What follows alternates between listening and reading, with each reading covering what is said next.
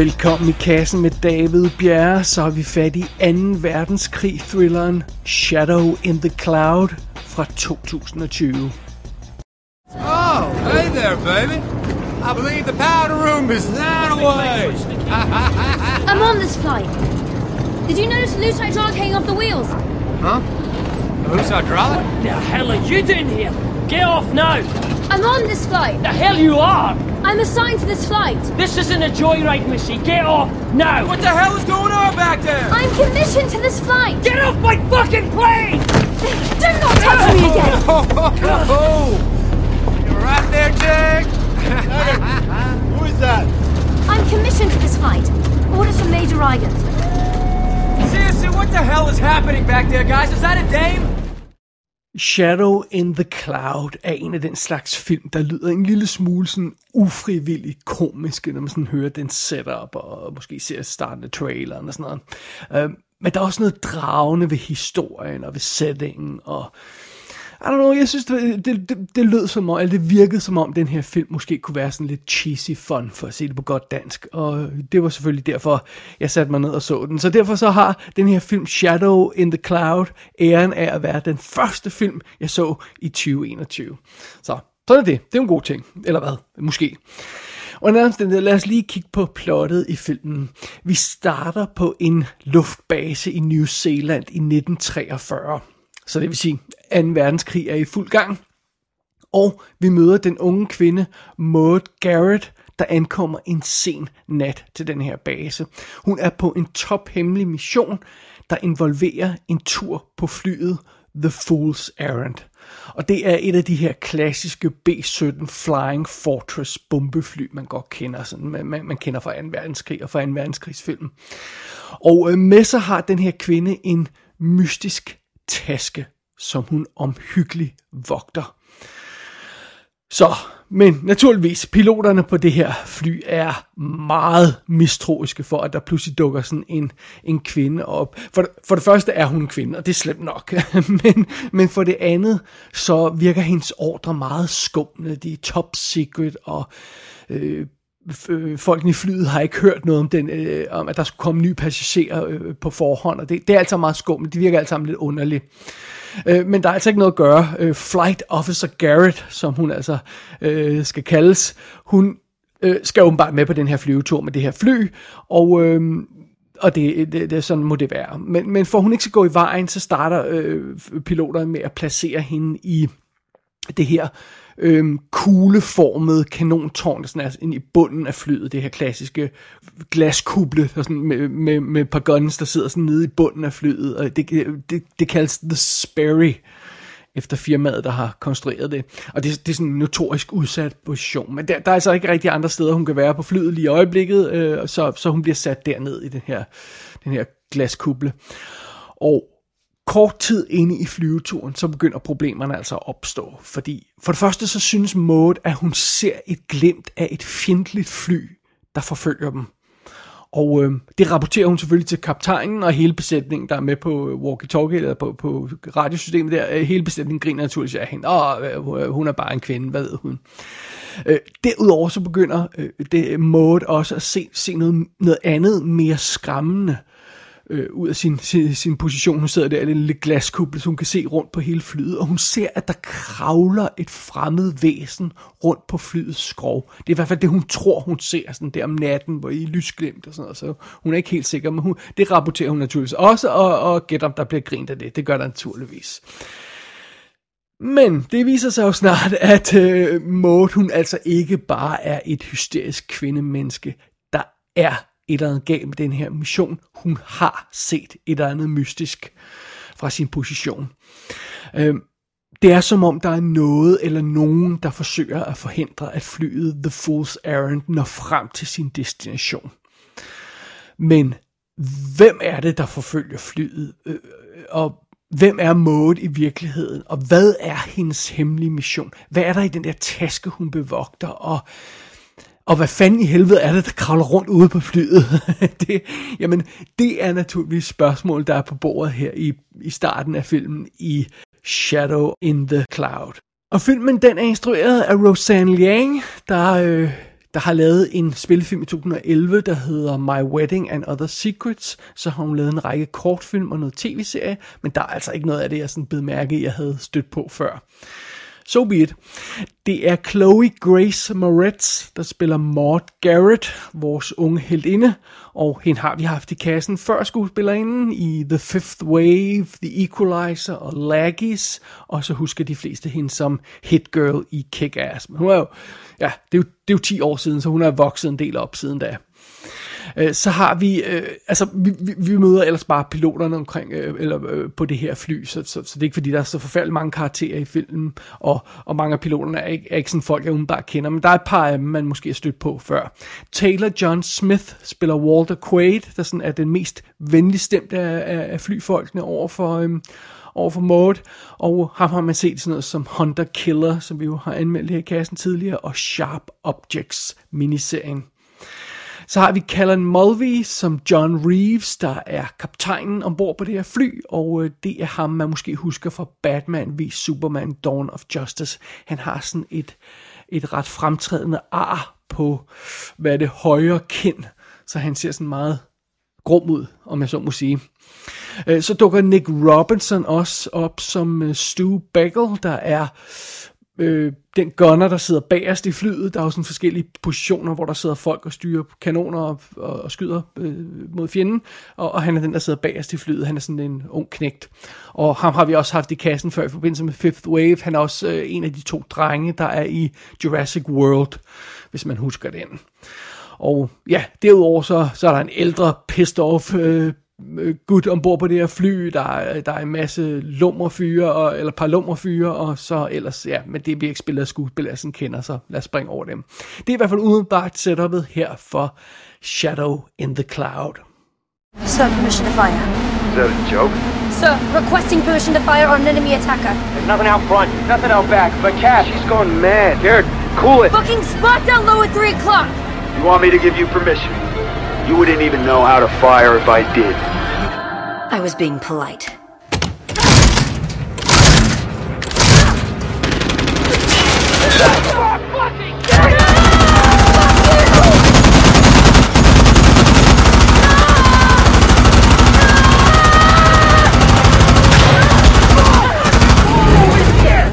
Shadow in the Cloud er en hurtig lille film. Den spiller lige knap 82 minutter. Og hvis man ligesom skal indledningen væk, og så sådan credits, jamen så tror jeg, at grundhistorien sådan lige knap kommer over 70 minutter måske. Og det er bestemt ingen kritik, fordi det er den perfekte længde for sådan en lille type historie, som det er sådan lidt Twilight Zone-agtig historie. Øhm, Øh, og, og fordi det her det er en, en, en hurtig lille film, så, så går den lynhurtigt i gang med sin historie. Så, så det, er jo, det, er jo, det er jo fantastisk. Og, og den har et simpelt fokus. Handlingen udspiller sig næsten kun på det her B-17 bombefly. Så der er ikke nogen omfattende miljøskildringer og instruktioner og alle mulige karakterer og alt muligt haløjse. Det behøver vi overhovedet ikke. Vi går bare direkte i kødet på historien. Og et B-17 bombefly er bare en cool location, og det er jo altså her, vi tilbringer øh, hoved, hovedparten af filmen. Altså, det er bare fedt, det er bare en fed location. Altså, hvem kan ikke huske filmen Memphis Belle fra 1990, som også, hvor vi også tilbringer det meste af tiden ombord på sådan en bombefly. Også, man har også set de andre 2. verdenskrigsfilm. Det her bombefly øh, med, med den måde, som med, altså det er jo det, man kalder en øh, flying fortress, så det er sådan et, et, et, et, en, en hel fæstning, der, der flyver afsted med adskillige gunner-positioner, og der er sådan godt Øhm, god mulighed for, for drama ombord på sådan et, et B-17 bombefly. Det fungerer virkelig godt som location. Og jeg ved ikke, hvad budgettet på den her film har været. Det har nok ikke været stort. Men der har altså været penge nok til at skabe en ret overbevisende tur i luften. Det, det, det, den ser lækker ud, den her film. Det er godt realiseret, det her fly om, og, og de her øh, luftkampe, det kommer ud for alt muligt haløjse. Og det, det er ikke mindst takket være Weta, i New Zealand, for det er dem, der har stået for effekterne. Og nu, nu er det her jo også en New Zealandsk film rent faktisk. Den er øh, delvis produceret af New Zealandske penge og skudt i New Zealand. Der må være faldet lidt rabat af fra Weta, fordi de er jo også i New Zealand, øh, fordi det, det føles som om, den her film har meget, meget bedre effekter, end den burde have råd til. For det føles ellers ikke som en stor film, men effekterne, de er sharp. De holder virkelig godt. Og som sagt, hele, hele filmen øh, tilbringer vi ombord på det her fly, næsten hele filmen, så vi er altså i luften med, hvad dertil hører af effekter, stort set hele filmen. Så det, ej, det er super cool. og, og noget af det andet, der gør Shadow in the Cloud ekstra guffet, det er, at den, der er taget nogle interessante stilistiske valg, som sådan varierer meget over filmen. Øh, en af de ting, man hurtigt bemærker, øh, er for eksempel, at der er et elektronisk soundtrack. Der er sådan en øh, synth-pop-agtig soundtrack til, og det er helt ukorrekt i forhold til tidsperioden, men det er super effektivt og stemningsfuldt og anderledes. Det virker virkelig, virkelig godt. Øh, jeg må hellere nævne komponisten. Øh, Mahuya Brickman Cooper hedder Uh, han, han, hun, I, I don't know. Jeg kender ikke personen, det er også lige meget. Det er et super fedt soundtrack. Det er sådan et, jeg virkelig skal have fat i. Jeg har prøvet at kigge efter, det er vist ikke ude endnu, men, men det er sådan et, jeg, jeg, jeg, jeg rigtig gerne vil have. Så det, det er sådan en usædvanlig ekstra øh, guffet ting med film. Det, det er det her synth soundtrack.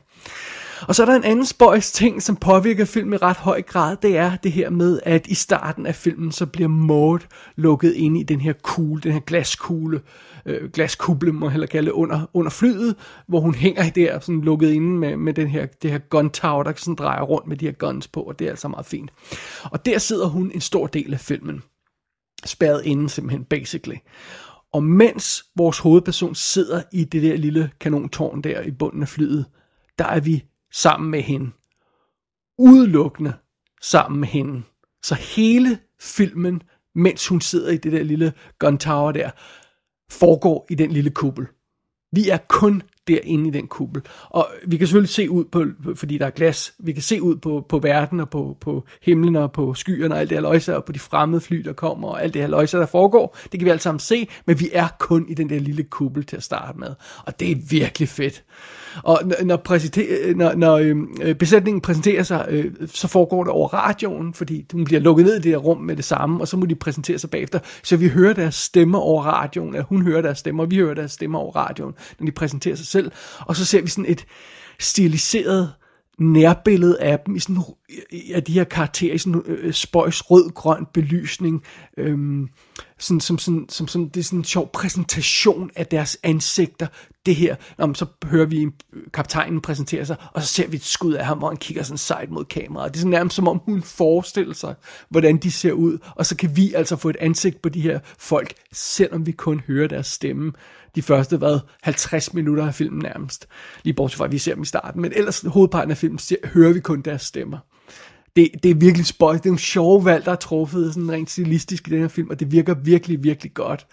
Og øh, og heldigvis så kommer Maud ud af den her øh, kuppel senere, og der kommer lidt gang i den, men, øh, men, men til at starte med, så, så er hun altså kun der. Og det, jeg synes, det er en modebeslutning for sådan en film at tage, at den kun foregår i sådan en lille bitte rum under en fly.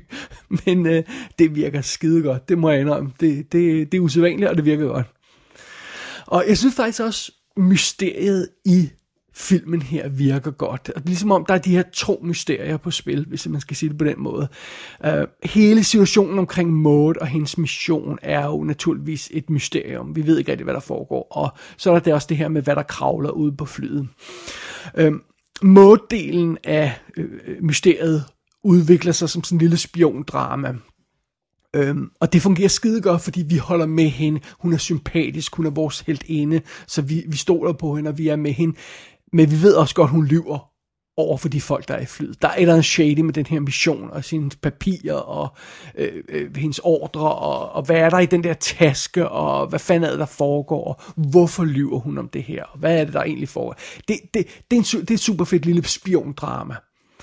Og øh, så er der jo altså monsterdelen af historien, om man så må sige. For, og den er også meget sjov, fordi den er jo sådan en klassisk, øh, eller et spin på den her klassiske Gremlings-myte. Og nej, vi snakker ikke øh, øh, Joe Dante-filmen, vi snakker det her med, at øh, øh, øh piloter i, i, i, øh, ja, i en verdenskrig, sikkert også før og efter, øh, rapporterede det her med, at, at de... Øh, at de var stødt på de her dæmoniske væsner, gremlings, der lavede ravage på deres fly. Det var sådan historien.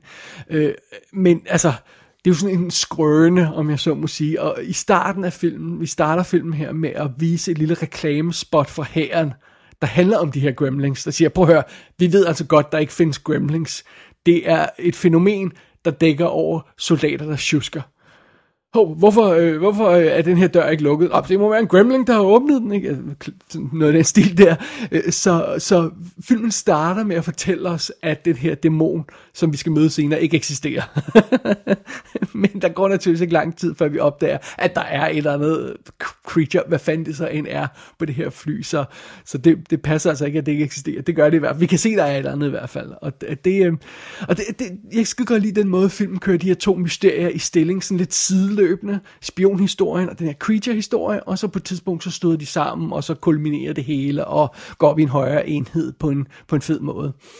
Og øh, det er som om, jo mere tåbelig den her historie bliver, og jo mere, jo mere vanvittigt det her drama, der udspiller sig ombord på flyet, bliver, jo mere målbevidst bliver filmen.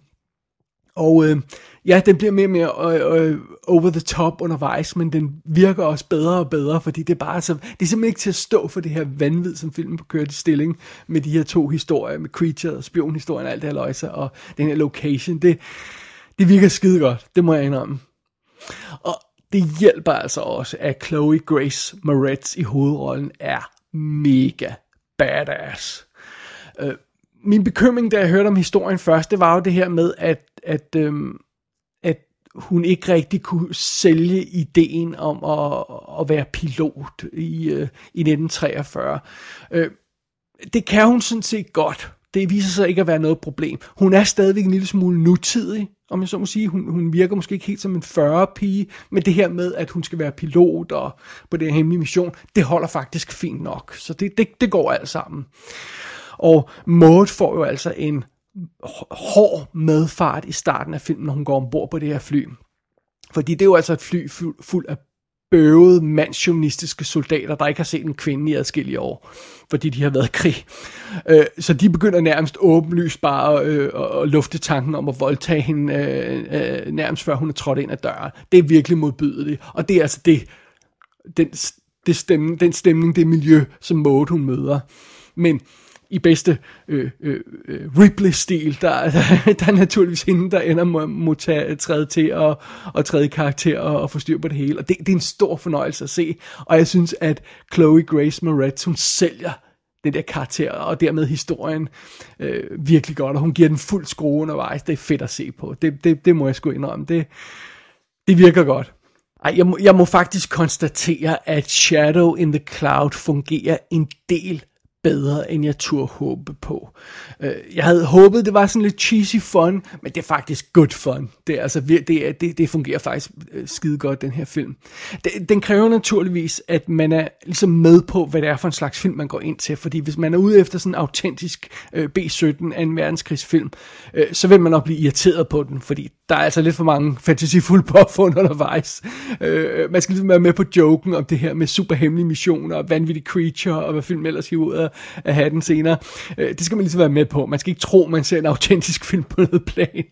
Men øh, prøv at høre, hvis man er frisk på at, øh, at se sådan en film, og, og, og som sagt ikke kræver, at ens øh, øh hver, en verdenskrigsfilm behøver at være 100% autentisk. Hvis man er frisk på det, så kan man sagtens kaste over Shadow in the Cloud. Det her, det er en, en fræk, veloplagt lille film. Og øh, jeg vil faktisk gå så langt som til at kalde den decideret vellykket.